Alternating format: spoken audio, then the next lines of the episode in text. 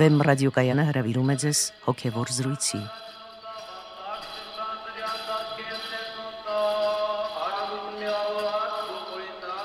Սիրելի ունկնդիրներ, հոգևոր զրույցներ հաղորդաշարի հերթական թողարկման իմ զրուցակիցն է արժանապատիվ Տեր Մեսրոպ Քահանա Արամյանը։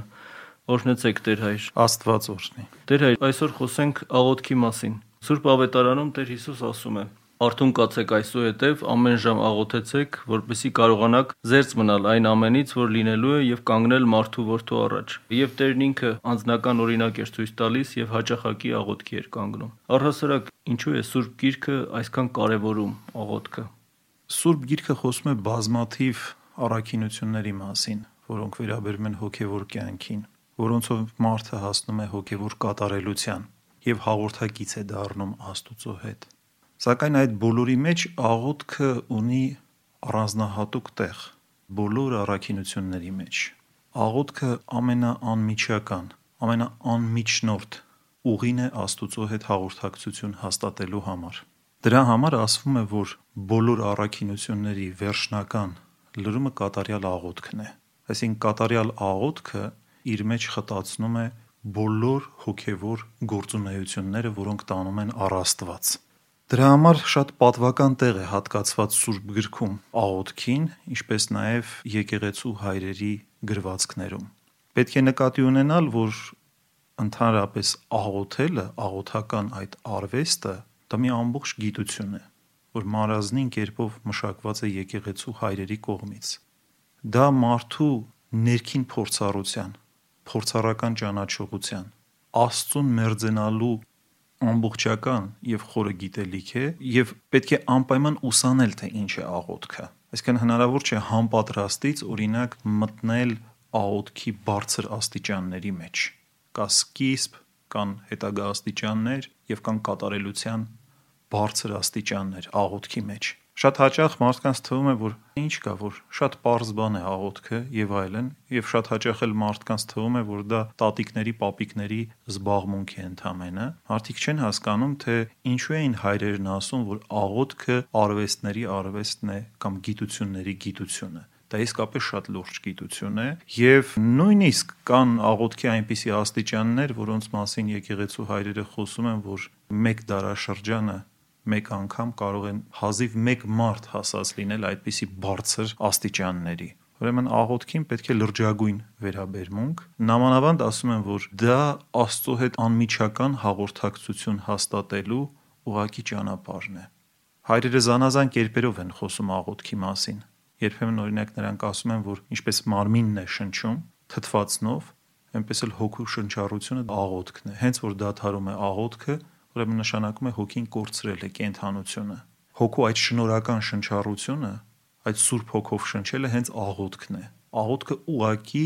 հոգու կենթանության ցուցանիշն է։ Եթե աղոթքը Աստծուն այդքան հաճելի մի իրողություն է, ուրեմն այն չի կարող ինքնանպատակ լինել։ Հետևաբար այն միջոց է որոշակի նպատակի հասնելու համար։ Որն է այդ նպատակը։ Աղոթքի նպատակը աղոթքի բուն նպատակը, եթե մենք ձևակերպելու լինենք, դա Աստծո հետ միավորումն է, Աստծո հետ լինելն է։ Կարող ենք ասել, որ մարդը արարվել է աղոթական վիճակի մեջ։ Ադամական այդ անեղծ անապական վիճակը դրախտում մենք կարող ենք անվանել աղոթական վիճակ, որտեղ Ադամը քայլում էր Աստծո ներկայության մեջ։ Ադամը ուներ կենթանի հաղորդակցություն Աստծո հետ, որից նա կտրվեց եւ ինչ որ առումով Ադամը ընկավ աղոթական վիճակից։ Ուրեմն աղոթական վիճակը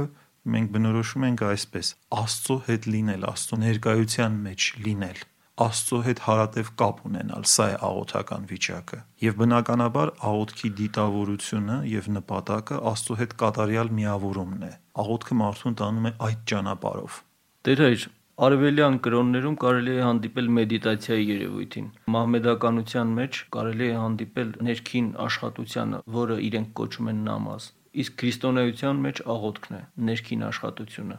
Որն է քրիստոնեական աղոթքի էությունը եւ առանձնահատկությունը։ Քրիստոնեական աղոթքը ընդհանրապես ինքը շատ է տարբերվում թե արևելյան ուսմունքների, թե այլ ընդհանրապես կրոնների ներքին փորձառական վարժանքներից։ Տարբերությունը հիմնականում դավանական է, որովհետև միմիայն քրիստոնեության մեջ է բանը մարմնավորվում մեր փրկության համար Աստված մարդացավ որպեսի մարդն Աստվածանա։ Եթե մենք աղոթքի վերջնական նպատակը տեսնում ենք Աստվածացման մեջ, այսինքն Աստծո հետ կատարյալ միավորության մեջ, ապա մենք կարող ենք ասել, որ արդեն այդ ճանապարհը տրված է Տիրոջ մարդեղությամբ։ Աստված բացել է այդ ճանապարհը վերևից ներքև։ Ուրեմն նշանակում է աղոթական ճանապարհը Աստծուն հասնելու ճանապարհը։ Դա ոչ թե ներքևից վերև վարժանքային մի process է, ծայրահեղ ասկետիկ մի ճանապարհ է, այլ դա վերևից ներքև է, դա տրված է մեզ։ Դա շնորհական ճանապարհ է եւ դա մեր սրտի խորքում կատարվող իրողություն է։ Դրա համար են արեկացին ասում՝ «Ի խորոց սրտի խոսքն դաստուծո»։ Ուրեմն այդ ճանապարհը շնորհով է եւ տրվում է Աստծուց։ Եվ այդ ճանապարհի հիմքը մեր Տեր Հիսուս Քրիստոսի մարդեղությունն է, նրա կատարյալ մարդեղությունը։ Եվ պատահական չի, որ Տերը իր օրինակով է ցույց տալիս աղոթքը ինչ է։ Նա ինքը կարոտ չէր աղոթքների, կարիք չուներ աղոթք անելու, բայց նա ցույց է տալիս այդ ճանապարհը մեզ։ Մի բան, որ Տերը արել է, դա տնորինություն է եւ փրկական տնտեսություն է։ Դա նշանակում է, որ ինքը աղոթքի մեջ դրեց այդ փրկաբանական իմաստը եւ ազատագրեց աղոթքի ոլորտը մեզ համար հնարավոր դարձրեց։ Եվ բանի մարդեղությունը էապես փոխում է քրիստոնեական աղոթքի էությունը։ Քրիստոնեական աղոթքը վերացարկված ճանապարհ չէ, մեդիտացիոն, որ դու գնում, գնում, գնում, գնում ես, բայց ուր պիտի գնաս։ Միթե կարող ես դու անդրանցական Աստծուն հասնել վերջավոր եւ զգայական միջոցներով չես կարող։ Դա մի իրողություն է, ճշմարտություն է, որը Աստուծով բացահայտված է քո ներսում։ Այդ հավիտենական ճշմարտությունը քո ներսում է բացահայտված Հիսուս Քրիստոսով։ Ուրեմն աղոթքի բուն էությունը մեզ տրված է Հիսուս Քրիստոսով։ Առաջի Ադամով մենք կորցրեցինք աղոթքը եւ երկրորդ Ադամով մենք վերստացանք աղոթքը։ Այլ կերպ ասած, այդ կատարյալ միավորումը Աստուծո հետ, որ աղոթքի վերջնական նպատակն է, հնարավոր չէ այլ կրոնական համակարգերում։ Դա միմիայն հնարավոր է քրիստոնեության մեջ։ Եվ դա խիստ շոշափելի իրականություն է։ Դա վերին աստիճանի ռեալ իրականություն է։ Դա վերացարկված չի։ Դա абստրակտ Աստծուն հասնելու անհասանելի ճանապարհ չէ։ Դրա համար Նարեկացին ասում է անսահմանելի հերավոր եւ անընդմիջելի մերձավոր Աստծո մասին։ Այսինքն Աստված անսահմանելի հերավոր է, որովհետև հնարավոր չէ որևէ կերպով հասնել նրան, այսինքն վեր է ամեն տեսակ արարչական իրողություններից, բայց միևնույն ժամանակ անընդմիջելի մերձավոր է իր սուրբ մարդեղությամբ։ Տեր հայր դուք ասում եք, որ աղոթքը իրական ռեալ մի երևույթ է։ Աղոթքով կարող է մարդը առնչվել հոգևոր իրականությանը, երկնային իրականությանը, հրեշտակներին, սուրբերի դասերին եւ այլն անշուշտ կարող է, եթե աղոթքով մարդը առնչվում է Աստծո հետ, ուրեմն նշանակում է, որ նաև աղոթքը ճշմարիտ ճանապարհ է Աստծո արարածների հետ հաղորդակցության։ Ինչու, որովհետև ինքը մաքուր ճանապարհ է, ինքը շնորհական ճանապարհ է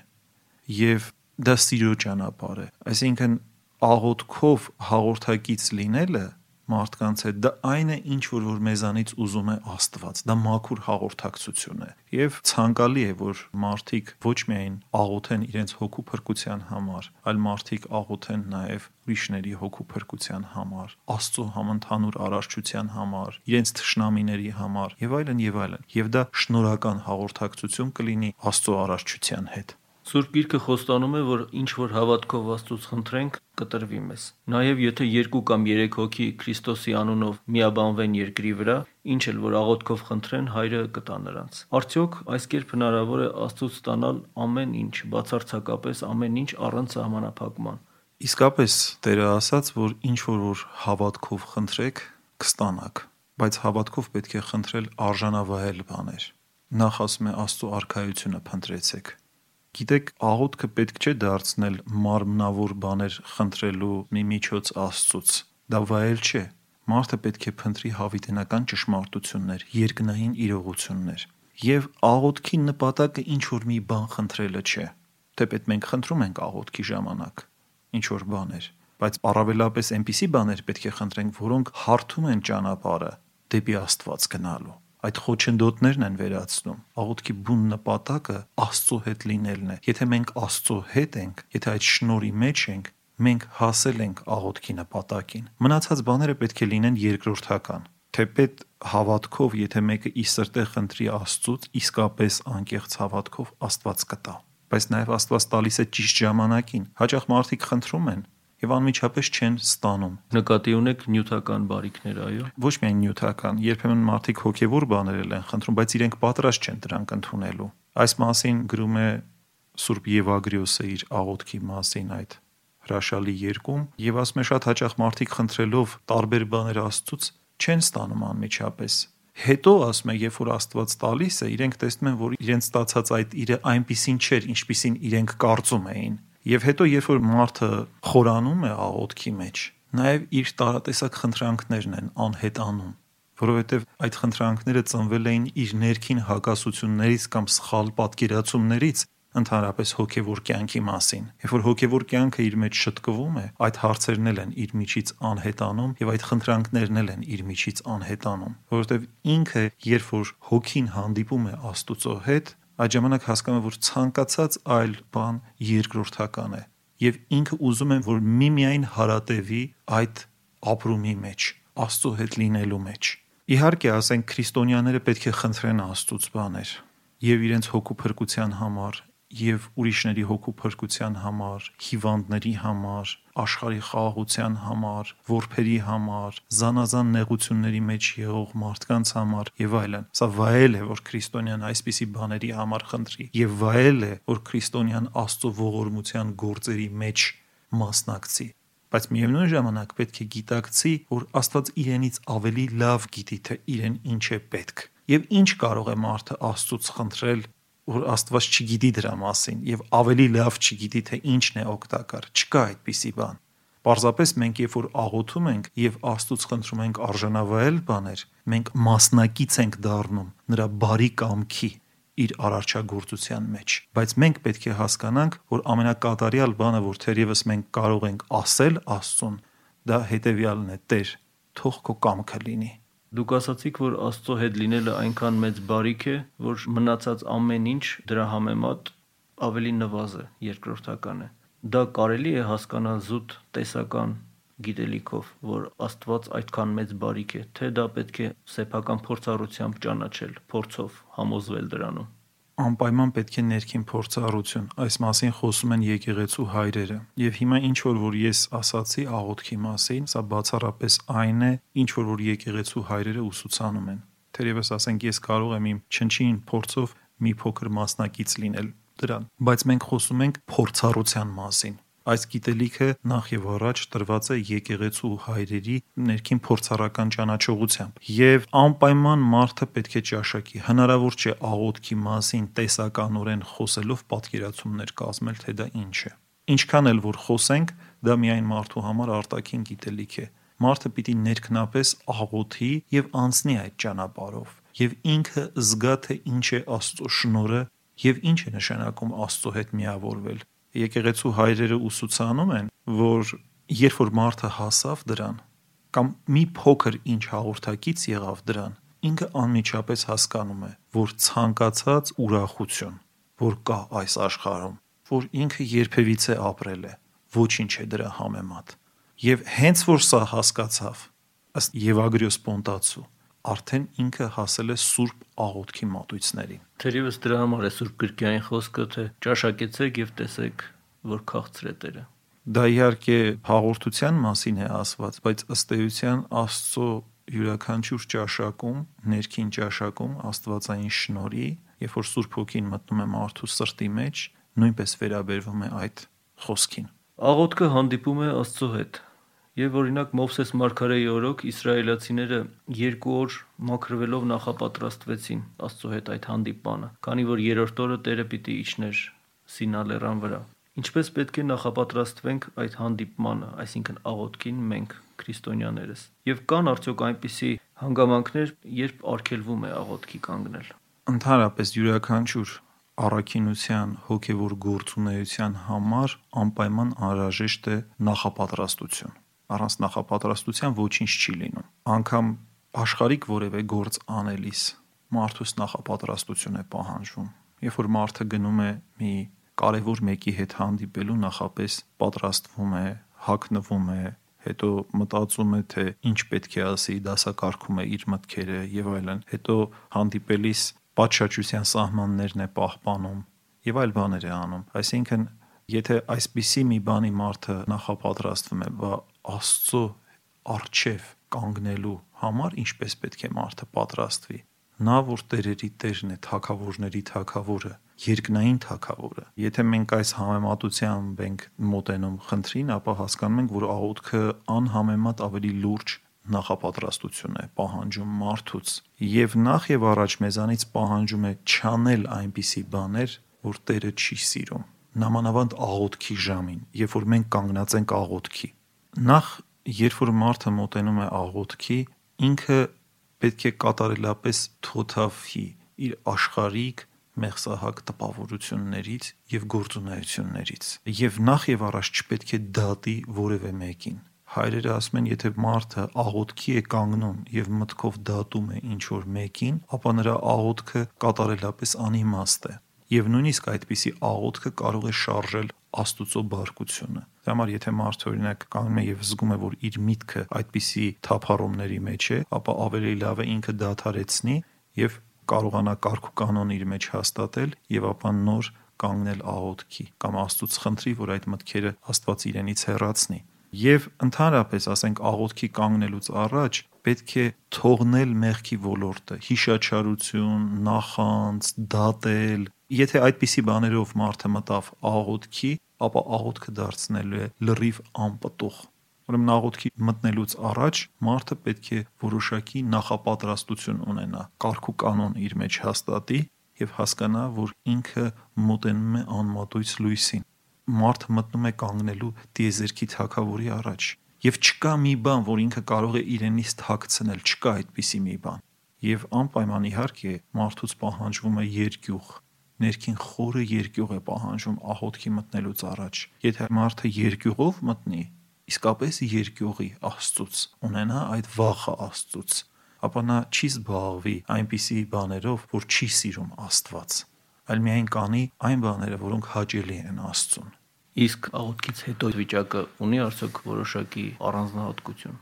Իրականության մեջ, եթե անկեղծ մենք խոսենք, աղոթքից հետո վիճակ չկա, կա աղոթքի մեջ վիճակ։ Եթե մարդը մտավ աղոթքի մեջ, եւ աղոթքի նպատակը, ինչպես արդեն ասացինք, հարատև լինելն է Աստծո հետ, ուրեմն ինքը դուրս չպիտի գա աղոթքից։ Ուրեմն հենց որ դուրս եկավ, դա արդեն ինչ որ մի բան ճիշտ չէ։ Այսինքն, երբ որ մենք ասում ենք աղոթական վիճակ, մարդը երբեմն իհարկե կարող է ինչ-որ գործեր անել, գործերի մեջ լինել, բայց ինքը կարող է ներքնապես այդ շնորհը պահել։ Այսինքն աղոթական վիճակի մեջ լինել, Աստծո հետ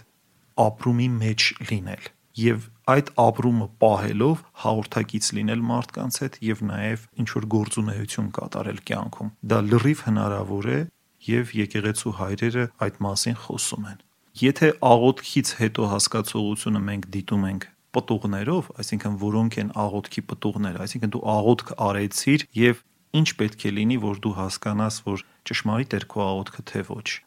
Նախ եւ առաջ դա խոնարհությունն է։ Եթե դու ավելի խոնարհվեցիր, ուրեմն քո աղոթքը նպատակին է հասել։ Դա սիրո զգացողություն է։ Եթե դու առավել սեր ունեցար մարդկանց նկատմամբ, աղոթքդ հասավ իր նպատակին։ Եթե դու գովեստներից սկսեցիր փախչել, ուրեմն աղոթքդ հասել է իր նպատակին։ Ուրեմն զանազան միջոցներ կան հասկանալու համար, թե աղոթքդ հասել է իր նպատակին, թե ոչ։ Եվ սրանց մեջ համար առաջինը խոնարհությունն է։ Երբ որ դու հասկացել ես քո կատարյալ ոչնչությունը եւ հասկացել ես, որ քո կյանքը հենց ինքը Տեր Հիսուս Քրիստոսն է, որ բացահայտվել է քո մեջ, ուրեմն աղոթքդ իր նպատակին է հասել։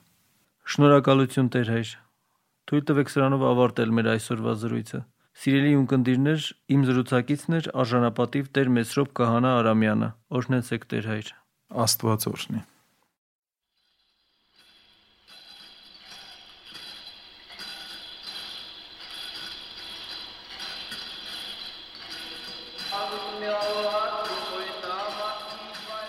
Հոգևոր զրույցներ հաղորդաշարի հերթական հաղորդումը վարեց Արաս – молча Джана.